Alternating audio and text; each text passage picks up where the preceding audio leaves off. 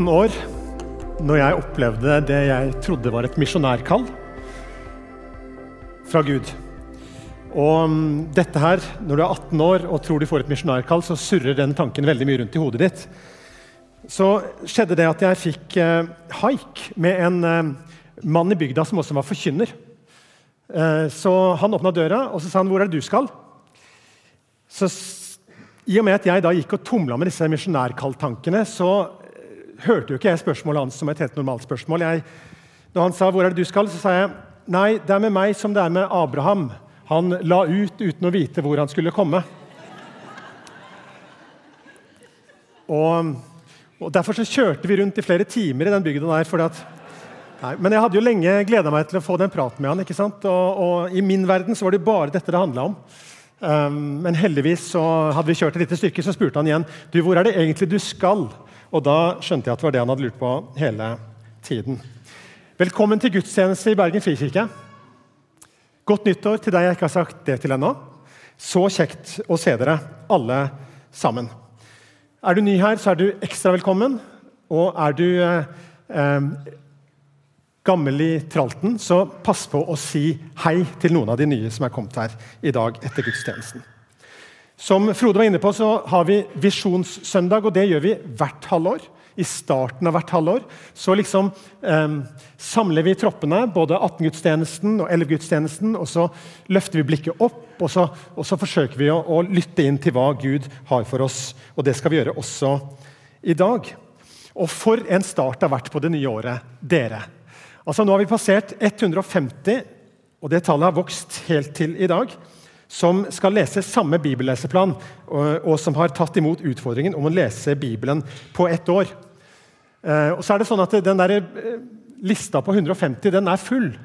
Eh, så YouVersion sin app den, den begrenser liksom antall som kan være med. Men frykt ikke.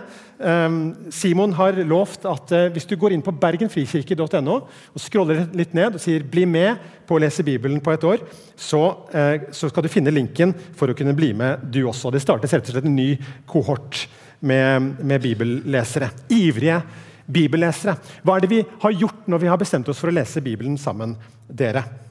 Det er det at vi har gått fra å snakke om at det å lese Bibelen er viktig vi har gått fra det å snakke om at eh, du burde lese Bibelen hver dag, til at det faktisk er noe som vi praktiserer sammen. Det gir meg håp og tro for det året vi har gått inn i. En av de tingene vi har lest, vi som har lest eh, denne bibelledsplanen, det er søk først Guds rike og hans rettferdighet, så skal dere få alt dette andre i tillegg. Er det ikke alltid sånn at eh, det er alt dette andre som kommer først? Det er liksom Skaffe seg mat, og skaffe seg klær og skaffe seg kone. Det er de tingene der som liksom får fokus. Mens det som Bibelen sier, det er søk først Guds rike og hans rettferdighet. Så skal dere få alt dette andre i tillegg. Det er løftet Jesus gir oss. Så hvorfor skal vi lese Bibelen? Jeg sa litt om det forrige søndag, men i dag skal jeg si det på denne måten. Sett at en venn av deg en eh, fra ditt arbeidssted eller fra ditt studiested kommer til deg og sier at 'Jeg har tatt imot Jesus. Jeg har blitt en kristen. Hva gjør jeg nå?' Hva svarer du da? Hva er det å være kristen? Hva kjennetegner det å være en kristen? Du kan jo svare jo, dette er det vi tror. Jeg tror på Gud Fader, den allmektige, himmelens og jordens skaper. Jeg tror på Jesus Kristus. Jeg tror på Den hellige ånd. Trosbekjennelsen. Glemte vi den i dag, forresten, Frode? Ja. Kommer, kommer neste søndag. Troen eh, kan beskrives på den måten. Men jeg har lyst til å våge en påstand her i dag tidlig, og det er at troen kan ikke bare sitte i hodet. Den må også ned i hjertet, og den må ut i hendene og ned i føttene og videre til jordens ender så kanskje vel så viktig som hva vi tror, er hva vi gjør. Hvis jeg var denne nye kristne, og du var min venn, så hadde jeg blitt veldig glad hvis du sa til meg 'bli med meg og gjør det jeg gjør'. På søndagene går jeg på gudstjeneste.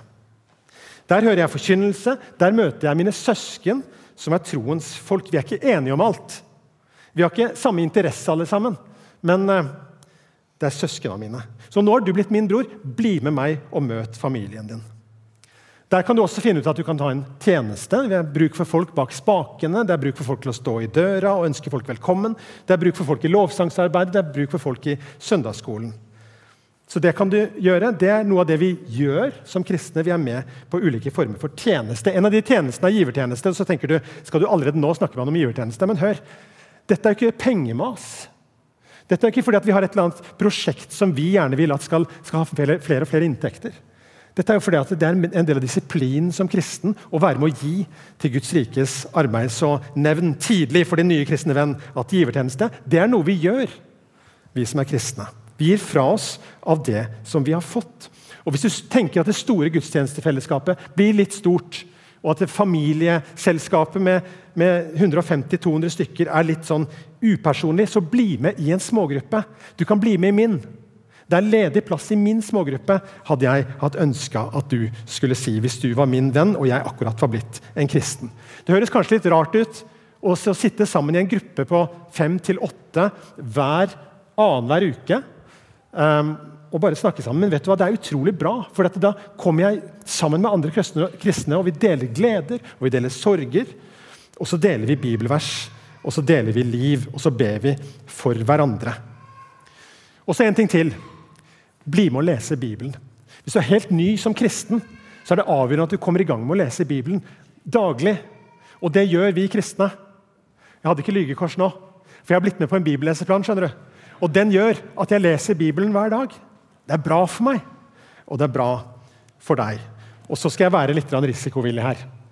Og så skal jeg si Hvis jeg var den vennen din som akkurat hadde blitt kristen, så ville jeg blitt veldig glad hvis du sa og så må du finne deg en som ikke er kristen ennå, eller en som akkurat har blitt kristen. Og så kan du hjelpe han på troens vei. Så raskt som mulig må du finne en fersk kristen som du kan følge opp. Hvorfor det? Jo, for det vil bety mye for den nye kristne å få lov til å møte deg. Og så betyr det kanskje like mye for deg å få lov til å følge opp en som akkurat har blitt kristen.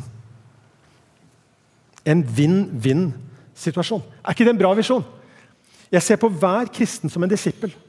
Og jeg ser på enhver disippel som en som skal disippelgjøre andre disipler. Og Da begynner vi å snakke. vet du. For Da er det ingen av oss som er publikum. Da er det ingen av oss som er tilskuere. Men da er vi alle sånne som famler og leiter litt. Og som ikke alltid vet alle svarene, sånn som Frode åpna med i dag. Men som har en retning på livet, og det er at vi vil følge Jesus. Så Vi sier i denne kirka at vi vil følge Jesus sammen i vår by.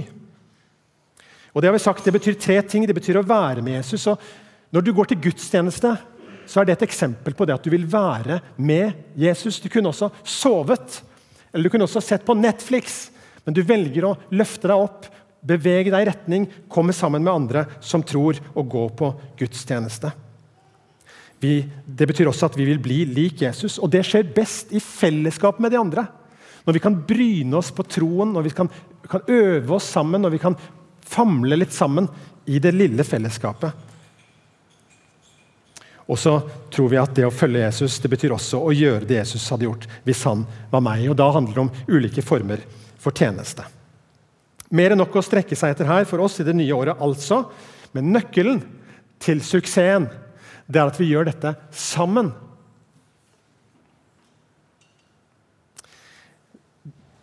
Spesielt i ungdomsarbeidet har vi brukt mye denne trekanten, som handler om opp og inn og ut. Opp mot Gud, gudstjenesten. Inn i fellesskapet og ut til de som ennå ikke tror. Bibliotekaren min i den bygda jeg kommer fra, var ingen kristen. Men hun og mannen de var eventyrlystne nok til at de dro til Afrika for å bo der i ett år på et eller annet oppdrag. Jeg vet ikke hva det var. Og Når du skal bo i Afrika ett år og du har store barn, så må de gå på den norske skolen. og Går du på den norske skolen i Afrika, så er det stor sannsynlighet for at du møter på noen misjonærer og misjonærbarn.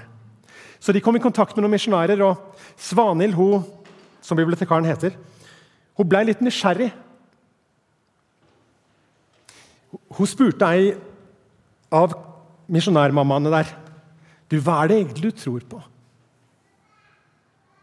Og misjonæren burde burde ha et klart svar, ikke sant?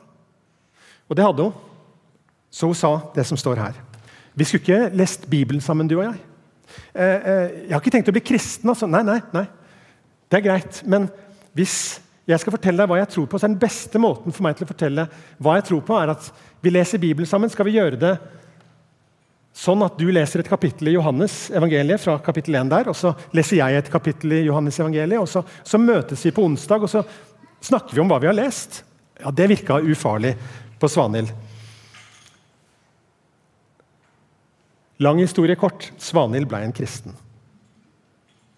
Og ikke bare sånn så vidt det var karre seg over grensa til å bli en kristen. Hun ble en levende, brennende kristen som stadig har vunnet nye mennesker for Gud i bygda jeg kommer fra. Teksten i dag dere, den er så oppmuntrende. Se, jeg gjør noe nytt. Nå spirer det fram. Merker dere det ikke?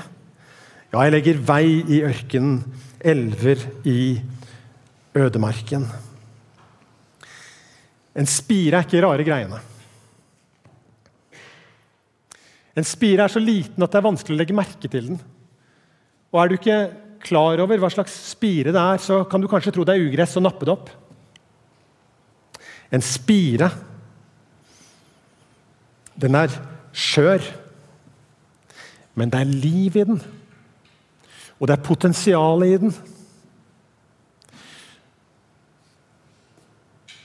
Merker dere det ikke, sier Gud.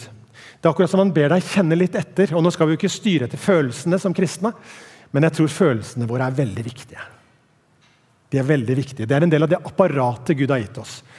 Så føler du noe nå. Merker dere ikke, sier Gud. Er det noe som er på gang i ditt liv? Eller hvis du lytter inn til de andre rundt deg, er det noe som er på gang i deres liv? Er det noe Gud gjør nå?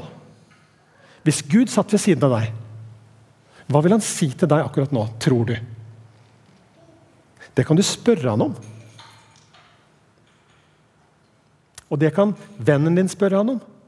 Og Så kan dere dele det og så kan dere oppmuntre hverandre på hva er det du tror Gud sier inni mitt liv nå.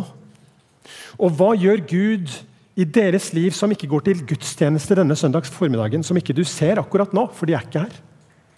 Hva gjør Gud i de kirkefremmedes liv akkurat nå? Jeg tror han virker. Og så er altså det ordet Jesus minner oss om i dag i Bergen frikirke, det er 'se, jeg gjør noe nytt'. Så Vi kan finne på nye ting, og jeg elsker jo nyttårsforsett, som jeg har sagt til dere før, men dette handler ikke om hva jeg gjør. Det handler om at Gud gjør noe nytt. Nå spirer det fram. I Zakaria 4 så står det noe som lett blir omskrevet slik. Forakt ikke de små begynnelser. En av de som vi har lest om i starten av bibelleseplanen, og det er ikke for seint hvis du er en av de som ikke har begynt ennå, så kan du begynne i dag. Abraham. Abraham er en av de vi har lest om. Og Han hadde hørt fra Gud at han skulle bli et stort folk. Problemet var bare at det så ikke sånn ut. Han var 75 år når Gud kalte han, og nå er ikke det noen alder. Paven var 76 når han ble valgt til pave. Joe Biden var 77 når han ble president i USA, og jeg stopper der. Men 75 år gammel så blir Abraham, etter å ha levd et ganske langt og ganske rikt liv, kalt av Gud. Og så leser vi fra 1. Mosebok kapittel 12. Herren sa til Abraham.: Dra bort fra landet ditt og fra slekten din og fra farshuset ditt til det landet som jeg skal vise deg. Jeg vil gjøre deg til et stort folk. Jeg vil velsigne deg og gjøre navnet ditt stort. Og så kommer det I deg skal alle slekter på jorden velsignes. Det er litt av et løfte, og det er en Messias-profeti som Abraham umulig kunne skjønne rekkevidden av. Men han skjønte så mye som at Gud hadde en plan for hans liv. Så han pakka sammen det han eide. Det var ikke så lite. Og så dro han ut på vei til det nye landet, som Gud hadde lovt han, og som Gud implisitt hadde sagt at du skal få barn i. Men det varte, og det rakk, for det blei noe av det. Så han tok med seg Lot, nevøen sin, for han hadde sagt at det, du skal bli et stort folk. og Det kan jo være at Gud mente at det handla om nevøen hans. Altså, det er jo ikke direkte sånn blodlinje, men det er nesten. Så kanskje det var gjennom Lot at uh, denne profetien skulle bli oppfylt. Men det var ikke Lot Gud tenkte på. Fortellingen om Abraham og Sara er en lang og kronglete historie om tro og vantro og stadig fornyede løfter fra Guds side og stadige feiltrinn og forsøk fra Abraham og Sara sin side. De får altså ikke barn. Men har sagt, Gud har jo sagt at du skal bli en stor slekt. Så, så hva skal vi gjøre? Nei, Elieser fra Damaskus han kan arve deg. Arve meg, tenker Abraham. Og tar en av tjenerne sine og sier at når jeg dør, så skal du få alt. Gir han det løftet. Men Gud sier tydelig til ham det er ikke Elieser fra Damaskus som skal arve deg. Det er en av ditt eget kjøtt og blod som skal arve deg. Ok, Ikke nevøen Lot, ikke tjeneren Eleser fra Damaskus. Åra går, og nå har de bodd elleve år i det nye landet og fortsatt ikke fått barn. Så da kommer Sara opp med den geniale ideen at kanskje Hagar, slavekvinnen, den egyptiske slavekvinnen hennes, kunne være en slags surrogatmor. Kreativ løsning, men dårlig idé. Hagar blir gravid, får en sønn med Abraham, men da skakes relasjonen mellom Sara og Hagar. Hun som var slavekvinne, stiger nå opp og blir plutselig en mor. Hun kommer over henne i hierarkiet, og det blir, det blir konflikt. og det blir, det blir, umulig for Sara å leve med dette. og Det ender med at både Sara og Abraham sender Hagar og sønnen hennes ut i ørkenen. Forferdelig historie, men også en historie om at Gud er en Gud som ser også Hagar. Hennes sønn med Abraham het Ismael og Gud vil ta seg av Ismael. Ismael skal også bli et stort folk. Men det er ikke Ismael som er løftessønnen. Gud er tydelig med Abraham at det er ikke dette som er hans plan heller. Gud har tenkt å gi Sara og Abraham en mirakelbaby. Du og Sara skal få en sønn.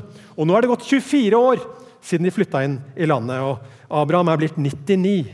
Og vi vet ikke hvor gammel Sara er. Det er høflig nok ikke nevnt hennes alder. Men, eh, men hun så kanskje sånn ut. Og både Sara og Abraham de ler høyt av dette her, at nå sier altså Gud til oss at vi skal bli foreldre. Ja, ja. Vi driver jo ikke med sånt lenger, men uh, han sier det jo. Og så ler de godt, begge to. Men Gud ler ikke. Han kommer uh, Sara og Abraham i møte i en skikkelse som er merkelig, for det er tre menn som kommer. Og så Vekselvis omtales disse tre som tre og én. Hørt det før? Det er Herren som er på besøk, og det er tre menn. Kanskje et frampek mot treenigheten selv. Og Sara får høre det samme som, i, som Maria får høre i juleevangeliet. Er det noe som er umulig for Herren? Er det noe som er umulig for han som har skapt universet? Er det noe som er umulig for han som har talt tydelig til Abraham gang på gang på gang om løftet? Er det noe som er umulig for Gud? Jeg syns det er kult at i 1. Mosebok 21,6 så står det Gud har fått meg til å le. Nå har barnet kommet. Gud har fått meg til å le, og alle som hører etter, kommer til å le med meg. For Sara i sine gamle dager har blitt gravid. Ha-ha-ha. Men det er forskjell på den første latteren, som var en latter i vantro, og den andre latteren, som er en latter i glede og i overraskelse og overgivelse og nesten sånn Wow, Gud! Alt du kan! Heldigvis så er Gud uendelig tålmodig med Sara og Abraham. Og kaller til og med Abraham for troens far. Han skrytes opp i skyene i romerbrevet som en virkelig en troshelt. Men vi som leser historien, vi ser at det var mye vakling i den troen. Tilbake til oss. Og tilbake til 14. januar 2024. Jeg var 18 år og opplevde det som jeg da trodde var en tiltale fra Gud som handla om et misjonærkall. Og Jeg var ikke helt klar over hvor jeg skulle, men jeg dro ut uten å vite det.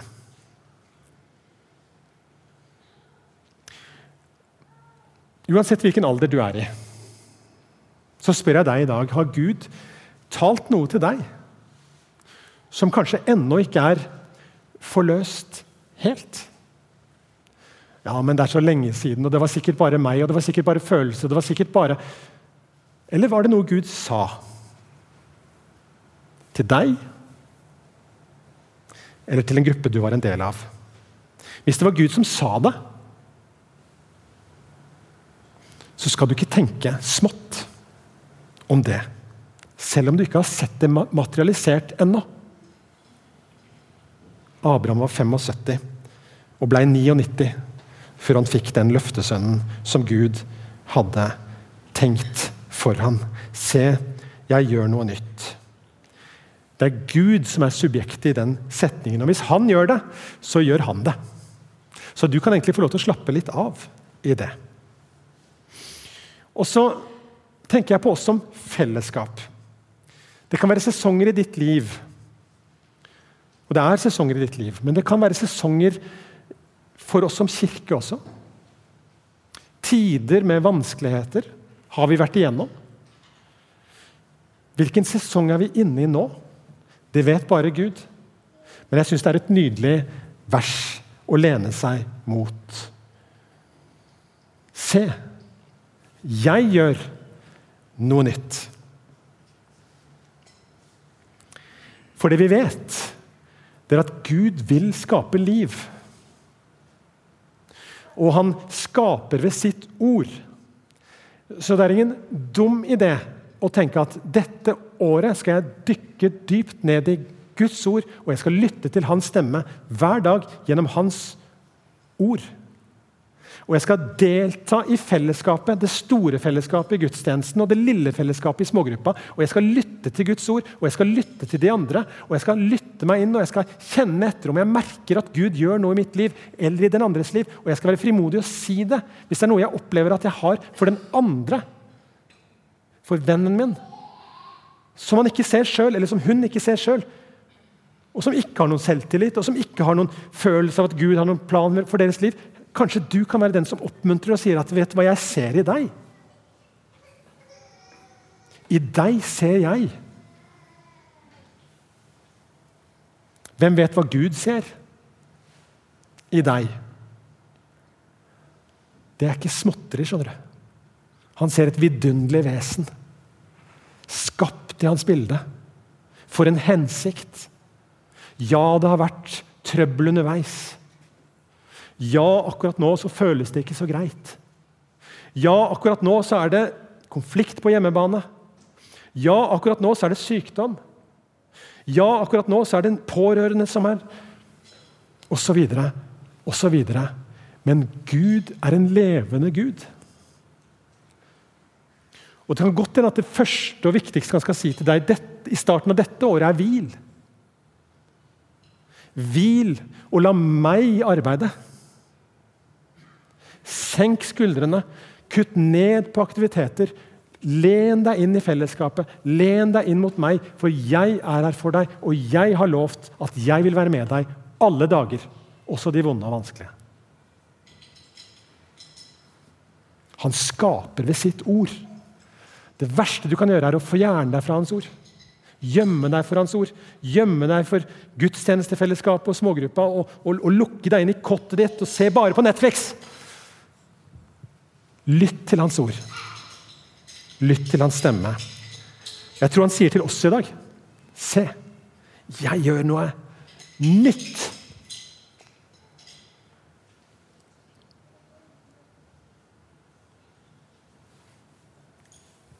Om det er aldri så mye ørken eller ødemark.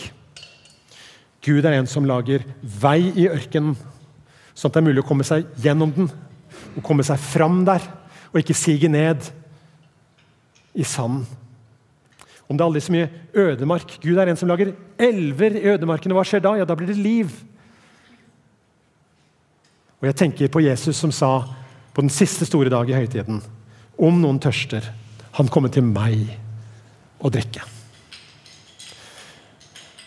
For dette handler ikke om på en måte sprø ideer om et eller annet stort der ute som vi skal oppnå. Det handler om en person, og det er Jesus fra Nasaret. Om noen tørster. Det er så mange ting vi kan tørste etter, det er så mange behov vi kan ha, det er så mange lengsler vi kan ha som mennesker. Men om noen tørster, han kommer til meg og drikkes i Jesus. Ja, vi vil Jesus komme til deg. For vi tror du har det for oss som vi trenger for liv og for evighet. Om noen tørster, han kommer til meg å drikke, sier Jesus. Og fra hans indre skal det, som Skriften sier, renne elver av levende vann. Det sa han om den ånd de skulle få, som kom til tro på han. Merker du ikke at du har Den hellige ånd? Og han drar deg mot sentrum når du vil dra deg ut mot periferien. Eller andre krefter vil dra deg ut mot periferien. Så kommer han med en mild og lokkende stemme, som en due og som en ild og som vann så kommer Den hellige ånd og så sier han, 'Kom inn i sentrum igjen til Jesus'. Han er her for deg, og han vil noe med ditt liv. Og Så har vi gått inn i et år som heter 2024, og jeg for min del tenker at det er et spennende år for meg. Vi, eh, vi skal ansette en ny pastor, håper jeg, i dag. Det er fordi jeg har fått rom til en sånn, jeg har fått prosjektstøtte og vi som menighet har fått prosjektstøtte, sånn at jeg i fem år skal få lov til å sysle med ekspansjon. Tenke Bergen, tenke Vestland. tenke Hvordan kan Bergen frikirke bli en ressursmenighet som når utover veggene her? Jeg syns det er kjempespennende. dere. Og så er jeg veldig glad for at vi har en pastor her som kan passe på at ikke det er bare det der ute vi holder på med og snakker om å være fokusert på. Derfor så har jeg veldig tro på å ansette en pastor som er mye mer hyrde enn det jeg er. For jeg holder på med mange ting. Men, men så spennende det er. Og Hvis du kjenner at det river litt i deg, så kom og snakk med meg. For dette skal ikke jeg gjøre aleine heller. Men jeg skal gjøre det sammen med andre. Og sammen med andre menigheter også så skal jeg få lov til å være med og, og løfte tro, håp og kjærlighet gjennom noe som heter Beveg byen. og Det skal jeg dele mer om seinere. Men for meg så er dette først og fremst en lytteøvelse. For jeg har ikke tenkt å starte en hel haug med prosjekter i egen kraft. Men jeg har lyst til å spørre Gud hva er det du gjør i denne byen, og hvor er det du gjør det? Og når er det timingen for å sette i gang med dette eller dette?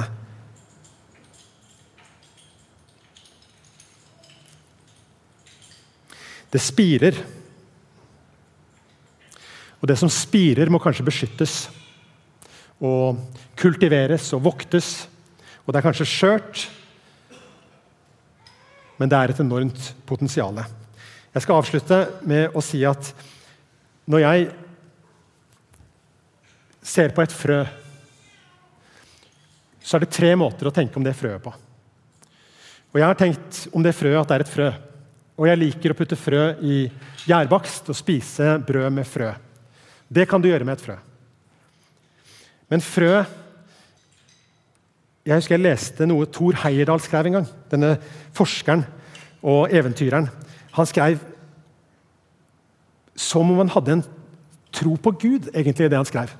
For han sa det er så vanvittig å tenke på at dette lille frøet det kan løfte flere tonn med tre oppover mot tyngdekraften. Tenk på det. Så et frø det er noe lite som du kan putte i brød. og Hvis det er et gran frø, så anbefaler jeg ikke å putte det i brødet. Men da kan det bli et veldig stort tre, og det kan løfte, det kan løfte flere tonn altså, oppover. Og Jeg har liksom latt meg fascinere av det. Men i det siste så har jeg tenkt på at det frøet det er ikke bare et tre. Men det frøet det er en hel skog. Og hvis det er korn vi snakker om, så har jeg lyst til å utfordre deg til hva er det du ser? Guds ord sier til oss i dag se. 'Jeg gjør noe nytt'. Hva ser du når du ser et frø? Ser du bare frøet? Hva ser du når du ser en kristen bror eller søster? Ser du bare en kristen bror eller søster? Eller ser du en disippel som gjør disipler som gjør disipler? Og hva ser du når du ser et kristent fellesskap, en flokk på fem eller åtte eller 150? Ser du bare en menighet som på en måte skal forsøke å overleve som menighet ved at de ansetter nye pastorer og, og har et program og, og, og, innkaller til gudstjeneste, eller kan en menighet være en menighet som gjør menigheter? Jeg tror potensialet i deg og meg med Gud på laget, det er en hel åker. Og det er en hel by. Og det er en by som blir påvirka positivt av at det fins noen stykker som samles hver søndag i Bergen frikirke. Og som ber til han, og som samles i grupper i ukene. Og som ber til han, og som sier, 'Gud, hva, hva vil du bruke meg til?' Jeg er her, og jeg har fått tilgivelse fra Gud for alle mine synder. Og jeg har fått Den hellige ånd i hjertet. Og nå er jeg her. Hva vil du bruke meg til?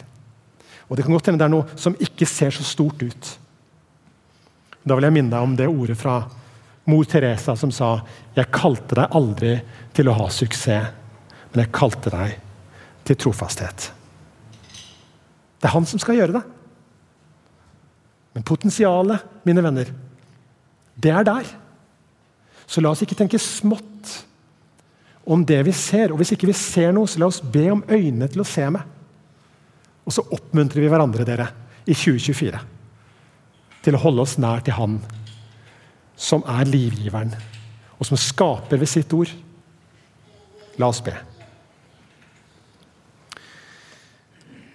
Herre, du ser hver enkelt i dette rommet og som hører meg nå.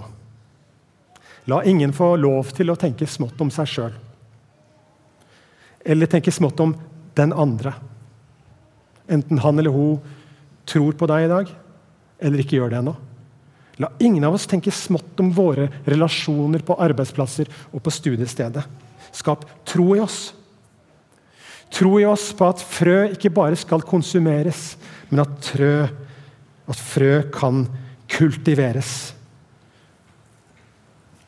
Slik at disse frøene får lov til å spire, og at det som spirer, kan vokse opp og bære i seg frukt med frø i, som kan frø seg videre La ingen her forakte de små begynnelsene, men begynn noe nytt i meg. Begynn noe nytt i oss. Du er den som gjør det, Herre. Så vi venter med forventning på deg. Amen.